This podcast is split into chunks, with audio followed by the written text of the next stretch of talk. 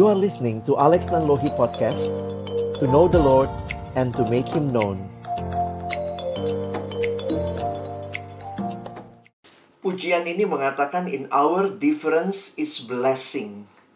Seringkali nggak mudah ya menghayati itu. Bisa jadi perbedaan itu jadi kutukan gitu ya Membuat kita jadi sulit kerjasama. Tapi kiranya uh, apa yang jadi semangat dari lagu ini kata-kata yang juga diambil dari 1 Korintus 12 ini menjadi bagian yang kembali kita alami ya. In our difference is blessings. Praise praise praise. Firman Tuhan pagi ini saya ambil dari 1 Korintus pasal yang ke-12 ayatnya cukup panjang 12 sampai 31 Mari kita akan membaca bagian ini. Saya akan membaca bagi teman-teman. Saya sudah tulis semua ada di screen ya. Karena itu, karena sama seperti tubuh itu satu dan anggota-anggotanya banyak, dan segala anggota itu sekalipun banyak merupakan satu tubuh. Demikian pula Kristus. Sebab dalam satu roh kita semua baik orang Yahudi maupun orang Yunani, baik budak maupun orang merdeka telah dibaptis menjadi satu tubuh, dan kita semua diberi minum dari satu roh. Karena tubuh juga tidak terdiri dari satu anggota, tetapi atas banyak anggota. Andai kata kaki berkata, "Karena aku bukan tangan, aku tidak termasuk tubuh." Jadi, benarkah ia tidak termasuk tubuh? Dan andai kata telinga berkata, "Karena aku bukan mata, aku tidak termasuk tubuh." Jadi, benarkah ia tidak termasuk tubuh? Andai kata tubuh seluruhnya adalah mata, di manakah pendengaran? Dan uh, andai kata seluruhnya adalah telinga, di manakah penciuman? Tetapi Allah telah memberikan kepada anggota masing-masing secara khusus suatu tempat pada tubuh seperti yang dikehendakinya. Andai kata semuanya adalah satu anggota, di manakah tubuh? Memang ada banyak anggota tetapi hanya satu tubuh ya. Saya lagi disconnecting, silakan teman-teman bisa ikuti di Alkitab ayat 21 ya. Jadi mata tidak dapat berkata kepada tangan, aku tidak membutuhkan engkau. Dan kepala tidak dapat berkata kepada kaki, aku tidak membutuhkan engkau. Malahan justru anggota-anggota tubuh yang nampaknya paling lemah, yang paling dibutuhkan. Dan kepada anggota-anggota tubuh yang menurut pemandangan kita kurang terhormat, kita berikan penghormatan khusus. Dan terhadap anggota-anggota kita yang tidak elok, kita berikan perhatian khusus. Hal itu tidak dibutuhkan oleh anggota-anggota kita yang elok. Allah telah menyusun tubuh kita begitu rupa, sehingga kepada anggota-anggota yang tidak mulia diberikan penghormatan khusus. Sekarang ayat 25 ya. Semoga sudah kelihatan lagi nanti slide-nya. Oke. Supaya jangan terjadi perpecahan dalam tubuh, tetapi supaya anggota-anggota yang berbeda itu saling memperhatikan. Karena itu, jika satu anggota menderita, semua anggota turut menderita. Jika satu anggota dihormati, semua anggota turut bersuka cita. Kamu semua adalah tubuh Kristus, dan kamu masing-masing adalah anggotanya. Dan Allah telah menetapkan beberapa orang dalam jemaat, pertama sebagai rasul, kedua sebagai nabi, ketiga sebagai pengajar, selanjutnya mereka yang mendapat karunia untuk mengadakan mujizat, untuk menyembuhkan, untuk melayani, untuk memimpin dan untuk berkata-kata dalam bahasa roh. Adakah mereka semua rasul atau nabi atau pengajar? Adakah mereka semua mendapat karunia untuk mengadakan mujizat? Atau untuk menyembuhkan, atau untuk berkata-kata dalam bahasa roh, atau untuk menafsirkan bahasa roh. Jadi, berusahalah untuk memperoleh karunia-karunia yang paling utama, dan aku menunjukkan kepadamu jalan yang lebih utama lagi.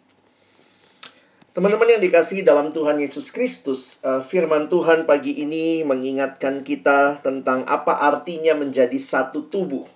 Ada tiga hal yang menarik yang bisa kita pahami dari ayat ini ketika Paulus mengajak jemaat untuk kembali melihat dirinya sebagai satu tubuh.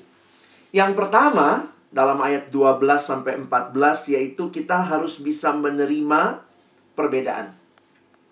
Yang kedua, menyikapi perbedaan dan nanti bagian ketiga kita akan bicara berbagai-bagai karunia. Mari kita lihat yang pertama dulu, menerima perbedaan. Bahwa realita kita berbeda itu bahkan dikatakan Allah yang memberikan kepada kita masing-masing. Tidak ada yang dikasih hal yang persis sama.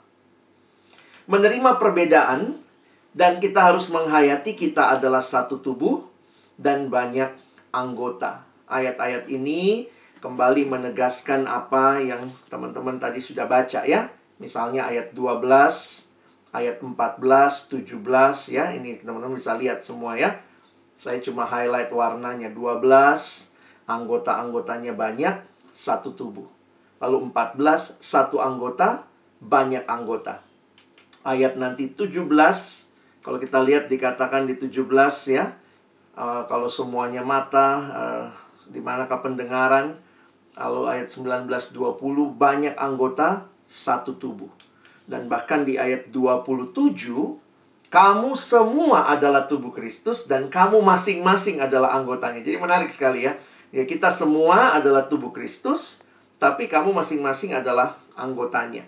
Dan ini adalah hal yang menarik karena roh yang satu itu mempersatukan kita di dalam Kristus. Itu bisa kita lihat di ayat 13. Sebab dalam satu roh kita semua, ya, orang Yahudi, non-Yahudi, ya, orang Yunani, baik budak, orang merdeka, dan seterusnya minum dari satu roh. Seperti lagu tadi ya, kita uh, one, many give one spirit. Jadi istilah yang muncul kalau dalam bahasa Inggris for in one spirit we were all baptized into one body. Jadi teman-teman yang dikasihi Tuhan, nah inilah ya realita tentang kita yang ada di dalam kesatuan dalam kepelbagaian. Kesatuan dalam Kristus adalah kesatuan dalam keberagaman, bukan dalam keseragaman. Ini hal pertama yang harus kita terima dulu gitu ya. Ya kalau dalam lingkungan kerja kita ya bisa begitu ya. Kak Riki bukan Kak Alex. Kak Alex bukan Kak Riki. Kak Alex, Kak Riki bukan Kak Iin gitu ya. E, Novi bukan Lia gitu ya. E, kalau Novi jadi Lia bingung kali ya atau Lia jadi Novi begitu ya. E, Kak Ellen ya bukan Kak Jacqueline begitu ya. Nah, itu realita bahwa kita beda dan ya karena itulah kita perlu sikap yang kedua ya. Kita butuh menyikapi perbedaan. Jadi pertama terima dulu kita beda mau apa. Tapi kita satu tubuh, satu pelayanan, satu kerjaan yang sama-sama sedang membangun kerajaan Allah melalui perkantas. Nah, bagaimana menyikapi perbedaan? Nah, ini kita mesti coba evaluasi diri kita ya. Nanti kita akan ditolong lebih jauh, tapi saya waktu memperhatikan ternyata di dalam jemaat Korintus dari kalimat-kalimat Paulus minimal saya lihat ada dua sikap yang mungkin terjadi waktu orang melihat atau menyikapi perbedaan. Nah, ini dua sikap yang salah. Ya, ini dua sikap yang salah. Nanti kita lihat sikap yang benar bagaimana. Sikap yang salah yang pertama adalah yang minder. Jadi ternyata ada yang minder di jemaat Korintus. Misalnya andai kata kaki berkata. Jadi Paulus waktu bicara itu dia bilang nih, andai kata kamu mikir ya, karena aku bukan tangan, aku tidak termasuk tubuh. Jadi minder banget gitu. Aduh, aku nggak kayak kamu dah. Aku nggak punya karunia yang kamu punya. Lalu andai kata telinga berkata karena aku bukan mata. Makanya cara Paulus menjelaskan, Paulus ingin mengajak mereka jangan kayak begitu. Jangan selalu merasa, ya saya kan bukan dia, saya kan bukan dia. Dan itu terjadi keminderan. Ini ada dalam jemaat Korintus. Saya nggak tahu, ada nggak ya di antara kita ya. Kalau lihat, ih ini kan dia udah lebih lama, dia udah lebih tahu, atau dia udah lebih tua. Ah, akulah apa atuh gitu ya. Saya mah apa atuh gitu ya. Dan karena itu bisa jadi kita nggak maksimal karena kita masing-masing merasa, ya saya saya nggak sebaik dia atau jadi kita nggak improve diri kita. Tapi sikap kedua yang juga salah, kalau satu minder, minder itu ke dalam, yang satunya keluar, sombong. Nah, Paulus juga udah baca tuh. Makanya Paulus bilang gini, jadi mata tidak dapat berkata kepada tangan, aku tidak membutuhkan engkau. Atau e, kaki, kepala bilang sama kaki, aku tidak membutuhkan engkau. Jadi sebenarnya di tengah situasi yang terjadi di jemaat Korintus, mereka juga satu tubuh, sadar, tapi ternyata perbedaan itu membuat ada yang jadi minder, dan ada yang jadi sombong. Dua-duanya sikap yang salah. Yang minder akhirnya tidak mencapai apa-apa. Yang sombong akhirnya merasa bisa melakukan semua dan tidak melibatkan orang lain. Nah, ini jadi hal menarik ya. Bagaimana sikap yang seharusnya? Nah, sikap yang seharusnya di ayat 18 sadar lagi. Allah telah memberikan masing-masing tempat yang khusus. Nah, sehingga di dalam ayat 25 sampai 26, teman-teman lihat deh. Evaluasi nanti dalam pelayanan kita, kita tuh saling memperhatikan nggak? Atau bodoh amat, yang penting tugas saya selesai. Saya minder juga sih nggak bisa bantuin dia, saya nggak terlalu jago. Tapi kemudian jadinya karena minder, boro-boro memperhatikan. Yang satu sombong merasa bisa, tahu-tahu di tengah jalan mentok, bingung juga. Mau minta tolong malu bisa gitu juga ya. Nah akhirnya juga jadi nggak terbuka. Nah menarik nih. Setiap anggota harus saling memperhatikan.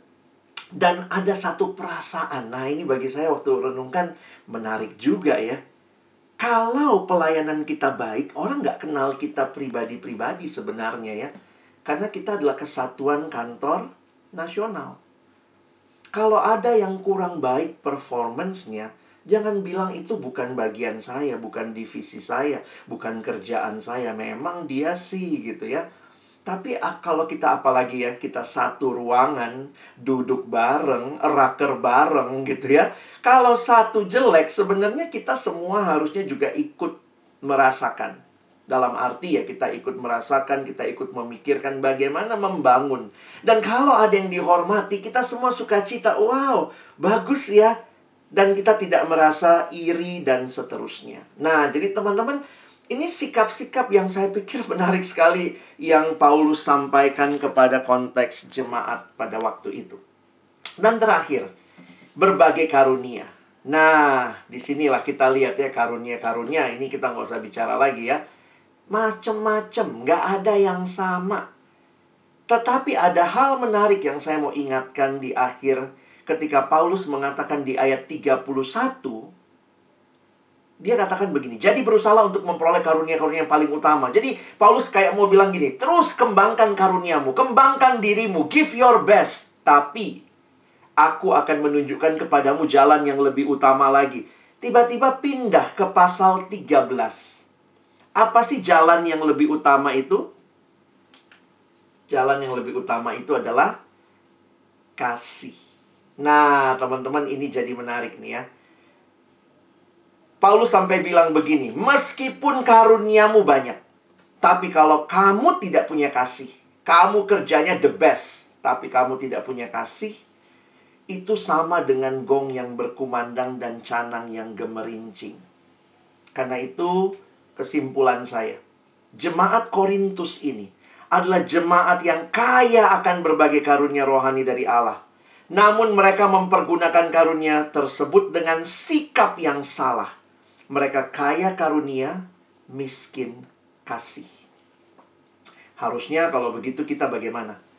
Kaya karunia, kaya dalam kasih.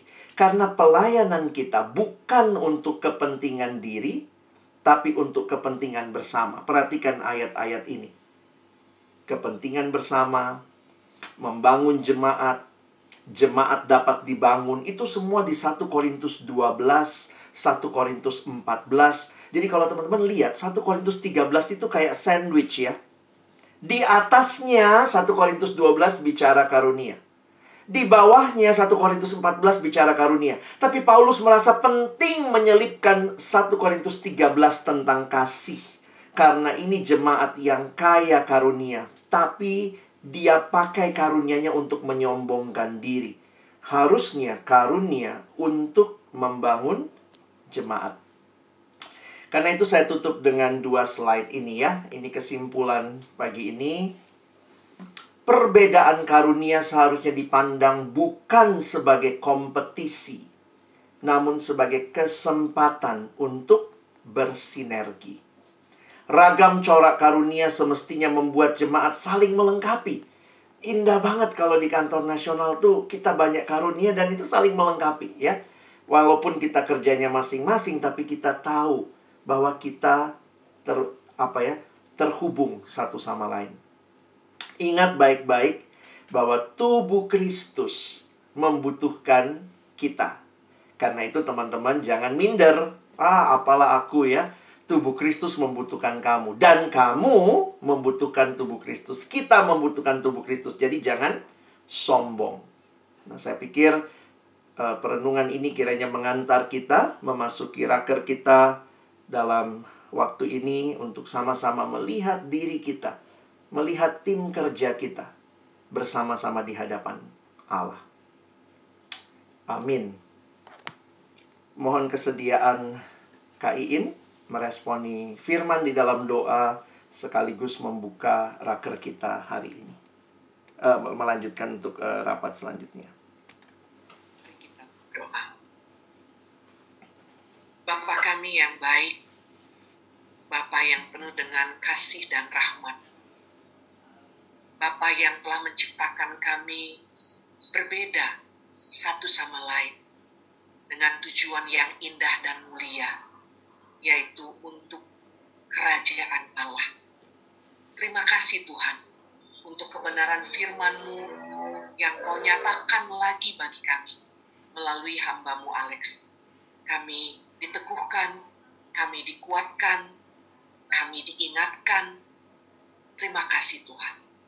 Berkati jugalah terus Alex untuk terus menjadi berkat bagi banyak orang melalui talenta karunia yang kau anugerahkan baginya, memberi pengajaran pada kami dan juga kepada banyak orang. Demikian juga kami semua Tuhan di kantor nasional, kami bersyukur untuk karunia-karunia yang berbeda yang sangat indah untuk kami bisa berkolaborasi satu sama lain. Karena itu Tuhan, berkatilah raker ini. Pimpinlah kami dalam dua hari ini. Supaya dalam perbedaan karunia, perbedaan talenta, juga kepribadian, semuanya itu kiranya justru menjadi kekuatan keindahan sebagai rekan sekerja Allah, sebagai satu tim yang boleh bersinergi, yaitu di kantor nasional ini. Terima kasih Tuhan. Kami serahkan sesi selanjutnya ke dalam tangan pengasihanmu. Dalam nama Tuhan Yesus.